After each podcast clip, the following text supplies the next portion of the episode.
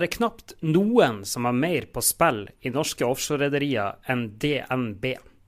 I 2015 hadde en av verdens største shippingbanker lånt ut 60 milliarder kroner til olje og oljeservice. Mye av det i Norge, og mye av det igjen på Vestlandet.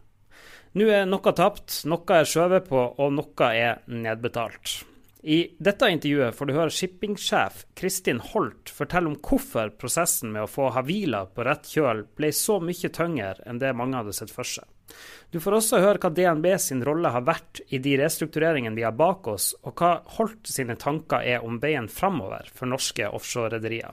Eh, vi har valgt å kalle denne liven for 'Spillet om offshoreflåten'. Er det et spill? Ja, Det det dere kaller det. Jeg vil kanskje ikke kalle det et spill. Men uh, når det er uh, store oppturer og store nedturer, så skjer det jo endringer på eiersiden og på, uh, i, i, i, en næring. Og det er jo en del av et, også et, både hvordan en næring og et finansmarked fungerer når det er stor turbulens. Så et spill vil jeg kanskje ikke si at det er, men det har vært store endringer. Og det har vært en krevende tid som, for alle involvert. Nå får jeg ikke helt med på å si at det er et spill, men i den grad det er det, hvem vant? kommer an på hvem du spør. om det. Altså, jeg vil ikke si noen som er vant eller ikke vant. For første så er vi to-tre år inn i en veldig krevende nedtur. Og det vil ta noen år før man er, til, er oppe, hvor du virkelig ser en oppgang. i alle fall, Hvis du snakker OSV-sektoren pga. den markedsbalansen eller supply-siden som er. Så det er for tidlig å se liksom, hvordan hele terrenget ser ut. Man begynner å ane ganske mye. Og så tenker jeg at uh, De aller fleste selskapene har vært gjennom eller er inne i siste fase på en restrukturering. Uh, og så man, har man egentlig fått en, en litt sånn opsjonspremie for de neste årene til å finne en god, langsiktig løsning for selskapet. Det er en veldig positiv måte å se på det på. Ja, men Jeg synes jo det er, altså jeg mener jo at det er det, og det at man har klart å bevare så mange så mye av næringen på norske hender i, i utgangspunktet her, her, her, hvor det er skapt, er jo viktig for Norge for en som maritim nasjon. Og det er jo noe vi også må ha med oss når vi bruker de lange brillene. Eh, at det er da ikke alle som ser ut sånn som de så ut innledningsvis. Det er helt naturlig når vi eh, så hvordan det så ut i 2013 og 2014. Ja, på det tidspunktet da vi gikk inn i den krisen, her, så hadde dere lånt ut uh, ca. 30 milliarder kroner til uh, 40 forskjellige offshore-rederier med mindre jeg tar feil, fra Stavanger i sør til eh, så langt nord du kommer. Nå har ikke vi gitt tall på hvor vi, hvor vi låner ut pengene våre. men vi, altså, geografisk, geografisk, men vi hadde en portefølje på litt over 60 milliarder kroner til offshorenæringen globalt ved utgangen av 15. Nettopp. Og den var nå i 50 eh, ved midten av eh, juni, eller tredje, andre kvartal i 2017. Så, og En del av det var på Vestlandet, og en del av det er andre steder i, i verden. da. Hva har skjedd med de ti, ti, milliardene som er mellom der? Ja, det er eh, innfridd og innbetalt og redusert, og noe har vi solgt. og Det er jo en levende portefølje, så den er jo ikke statisk selv gjennom en sånn krise. Mm. Eh, det er ikke ett rederi omtrent som har vært gjennom en restrukturering uten at dere har hatt en plass med forhandlingsbordet. Hva er din personlige rolle i eh, disse prosessene?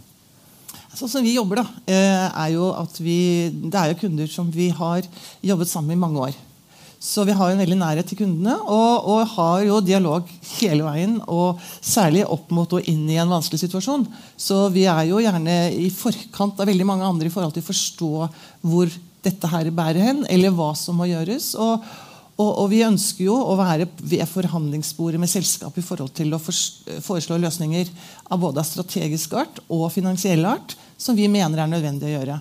Og Det er jo den diskusjonen som jeg er med på internt hos oss. Men vi har et stort team, og så jobber vi med det enkelte selskapet og så Det er den ene, ene, dialogen. Den andre er jo med, med, de bankene som er i det selskapet, eller som vi har i våre syndikat. Mm. For, å finne, for å forstå om vi er på samme om vi er enige, eller finne gode løsninger da, i fellesskap. Ja, for én ting er jo at du, skal, du har lånt ut penger til et rederi som har bygd en båt, og nå tjener ikke den båten penger. Du har et problem. Men du er ikke den eneste som har lånt til dette rederiet. Nei, og det er jo noe å finne disse gode løsningene. Men for oss har det vært viktig å liksom hete triangelen foran oss hele tiden når vi går inn i, inn i, en situasjon som er gjort nå. Det er å passe på at vi finner løsning for kunden, passe på våre egne aksjonærer. Og så må vi også ha de lange brillene for hvordan skal denne næringen se ut over tid.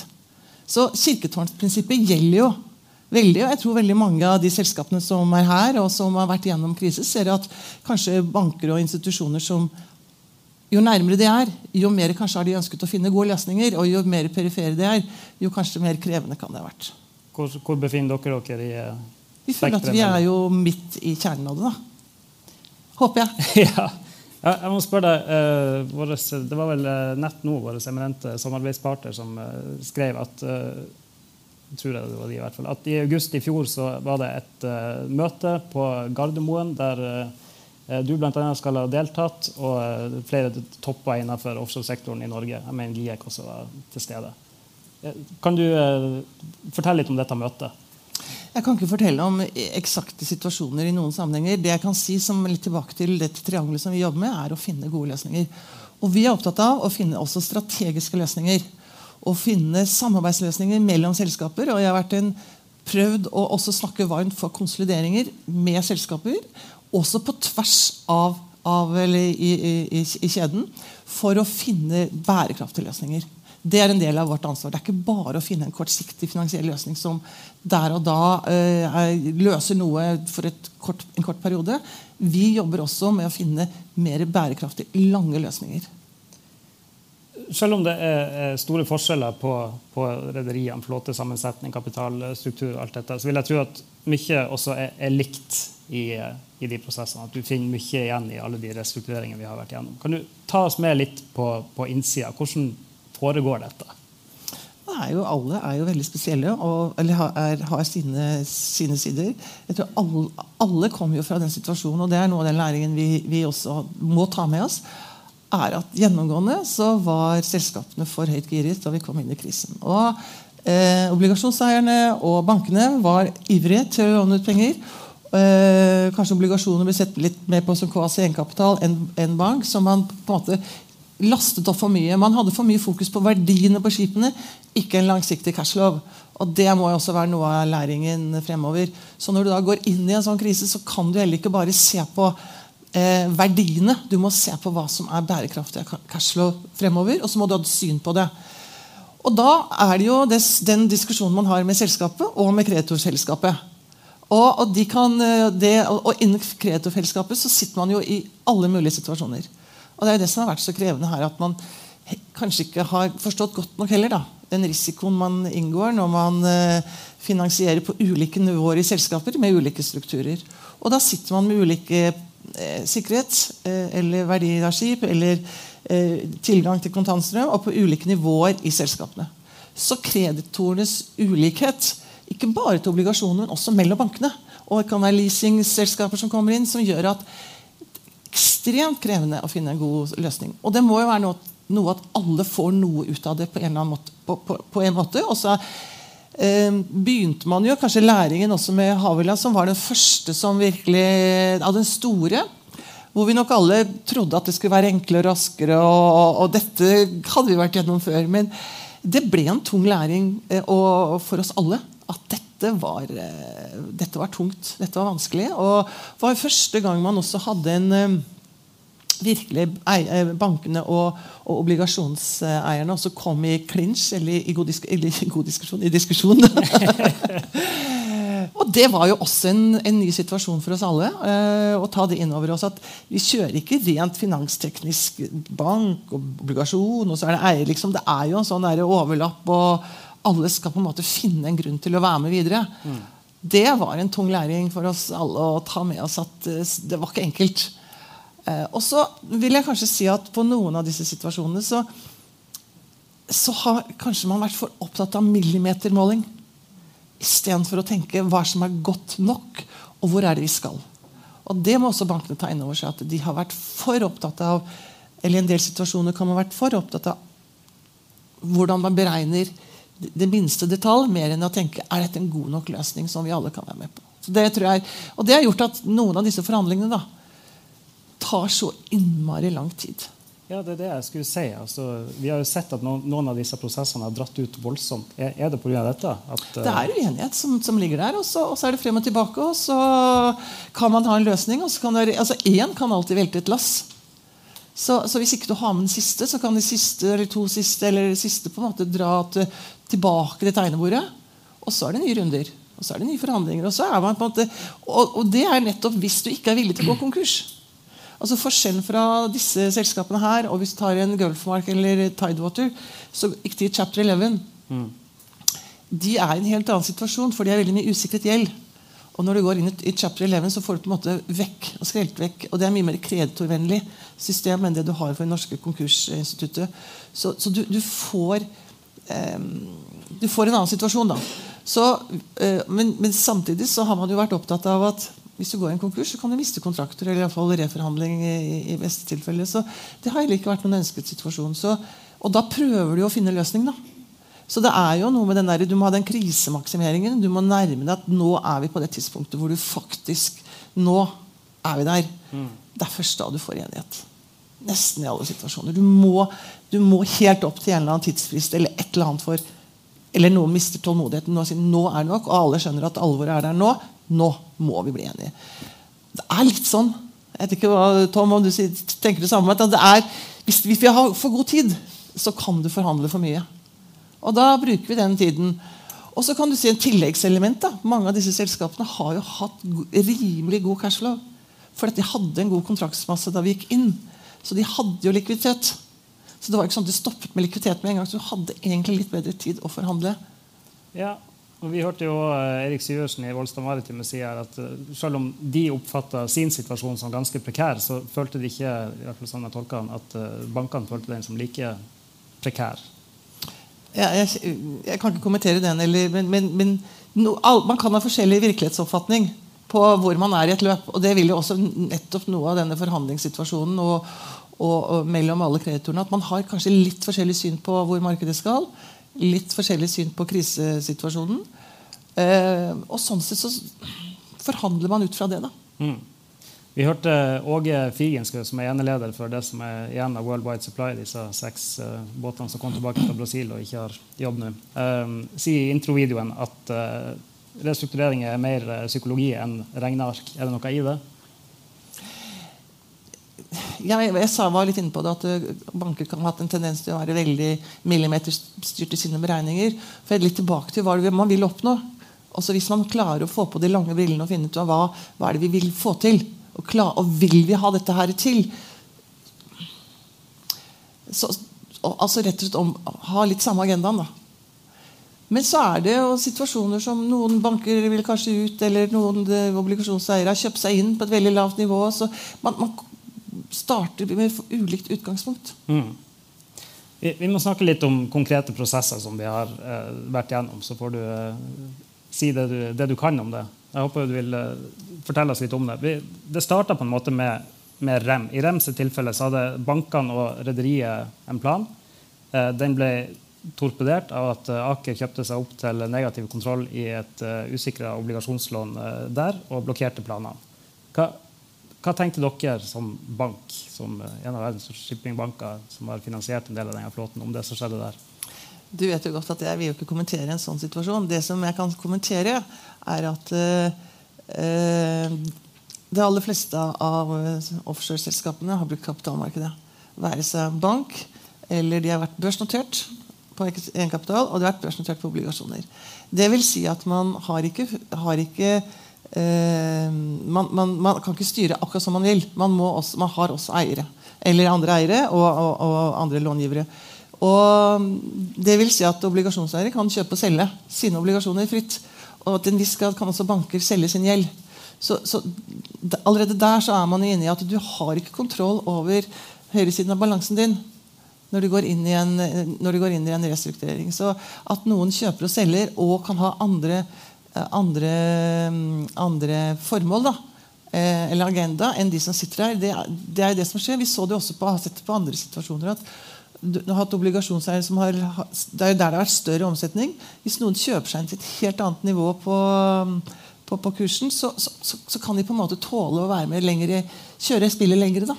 Så det er, det er, litt av prisen med å være i kapitalmarkedet. At du, eh, du må forholde deg til det. Tror du alle har tatt tilstrekkelig inn over seg? Eh, Nei, Dette er jo også noe av læringen. av Hva er konsekvensen av å, å bruke kapitalmarked? Eh, mange selskaper gikk nok inn for å kanskje hent, og de hentet kapital innledningsvis, og så brukte de ikke kapitalmarkedet mer.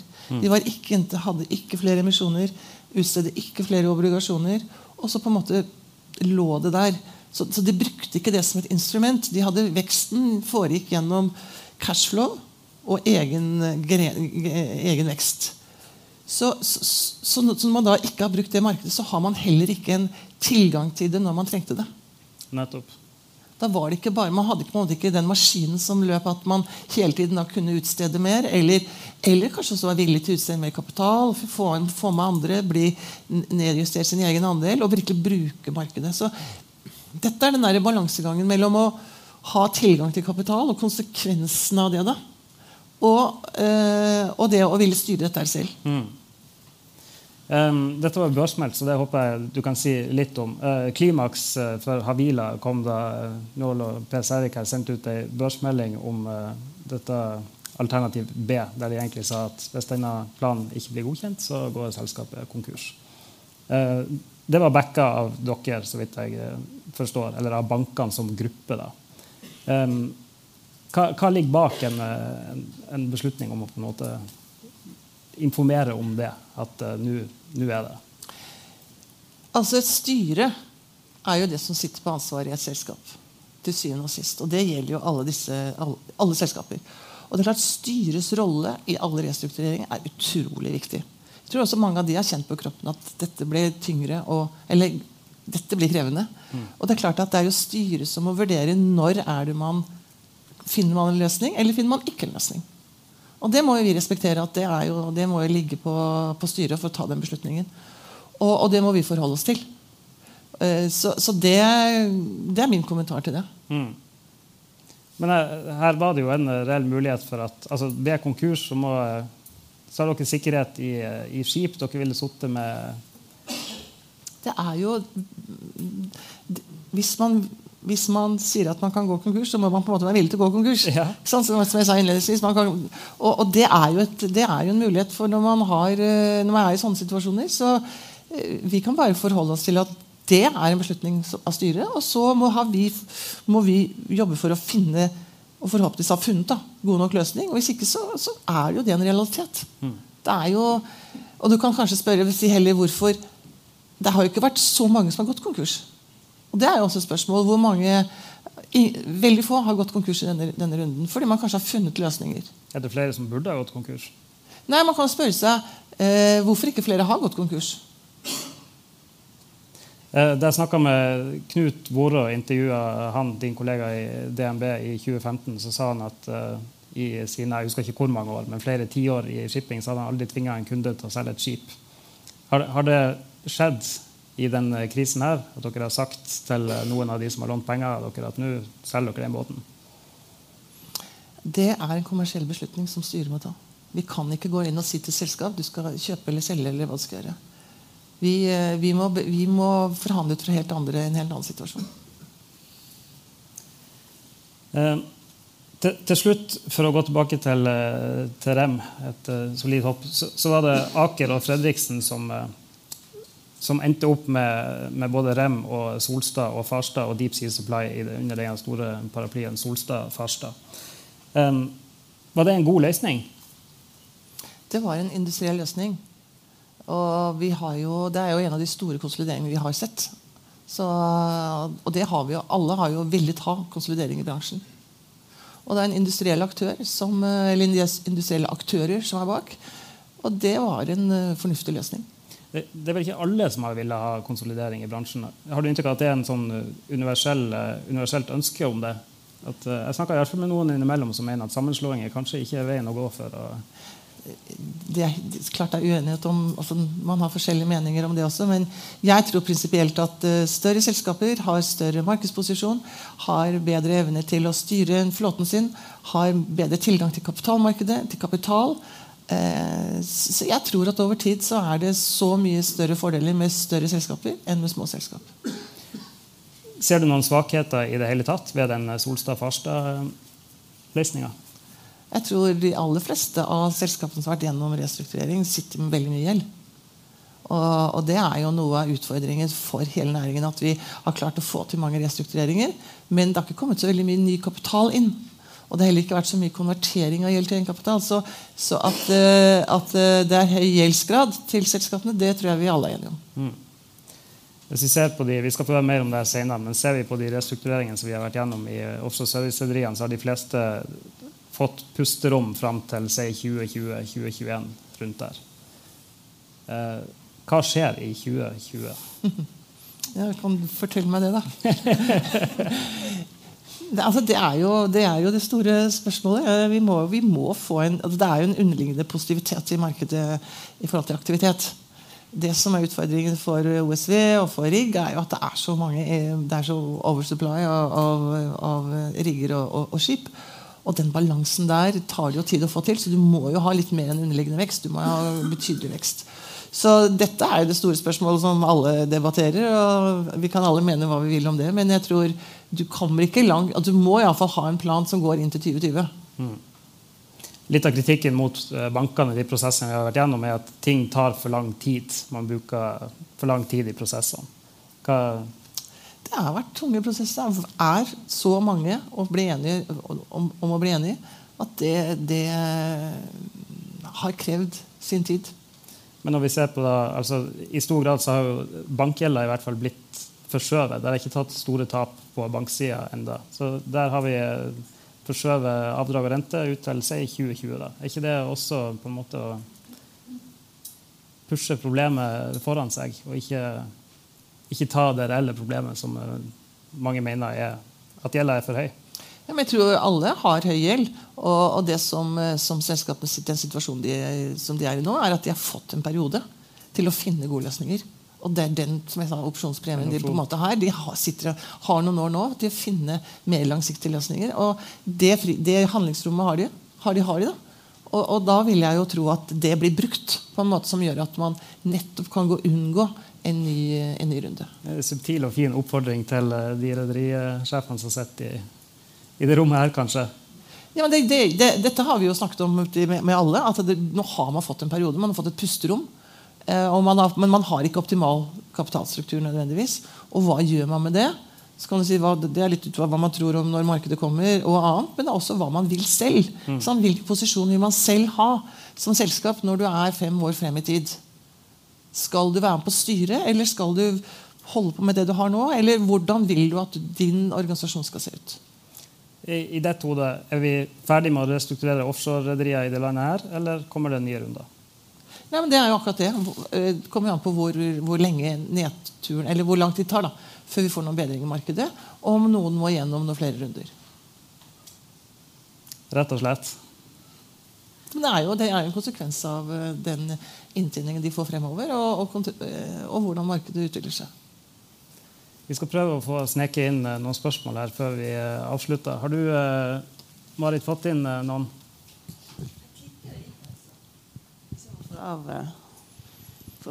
Det tikker inn masse spørsmål til mange, så vi skal ha en godt oppsamlingshit på slutten av dagen. Men det er også spørsmål til deg her. Et siste her. Vil ikke konsolidering føre til at bankene må ta store tap i neste runde? Eh, ser du for deg at det blir lett å forhandle med Røkke Fredriksen med 20-30 milliarder utestående? Godt spørsmål. Så hva, Hvilket da spørsmål er, det? Ja, altså, det Spørsmålet går jo da på det eh, om, om bankene har, har, en frykt for at konsolidering vil føre til at tapene bare blir større i neste runde. Jeg kan ikke se at det er det som skal utslagsgivende på noen måte. Det må jo være at uh, at, vi, at, at man, eh, selskapene går inn i, uh, inn i, strukturer som gir dem en bærekraftig enhet. Det er det som er det vesentlige. Ja. Og så et uh, spørsmål til. Uh, vi hadde jo uh, Njål og Per fra Havila de ble spurt om hvem som kom best ut av restrukturering i Havila.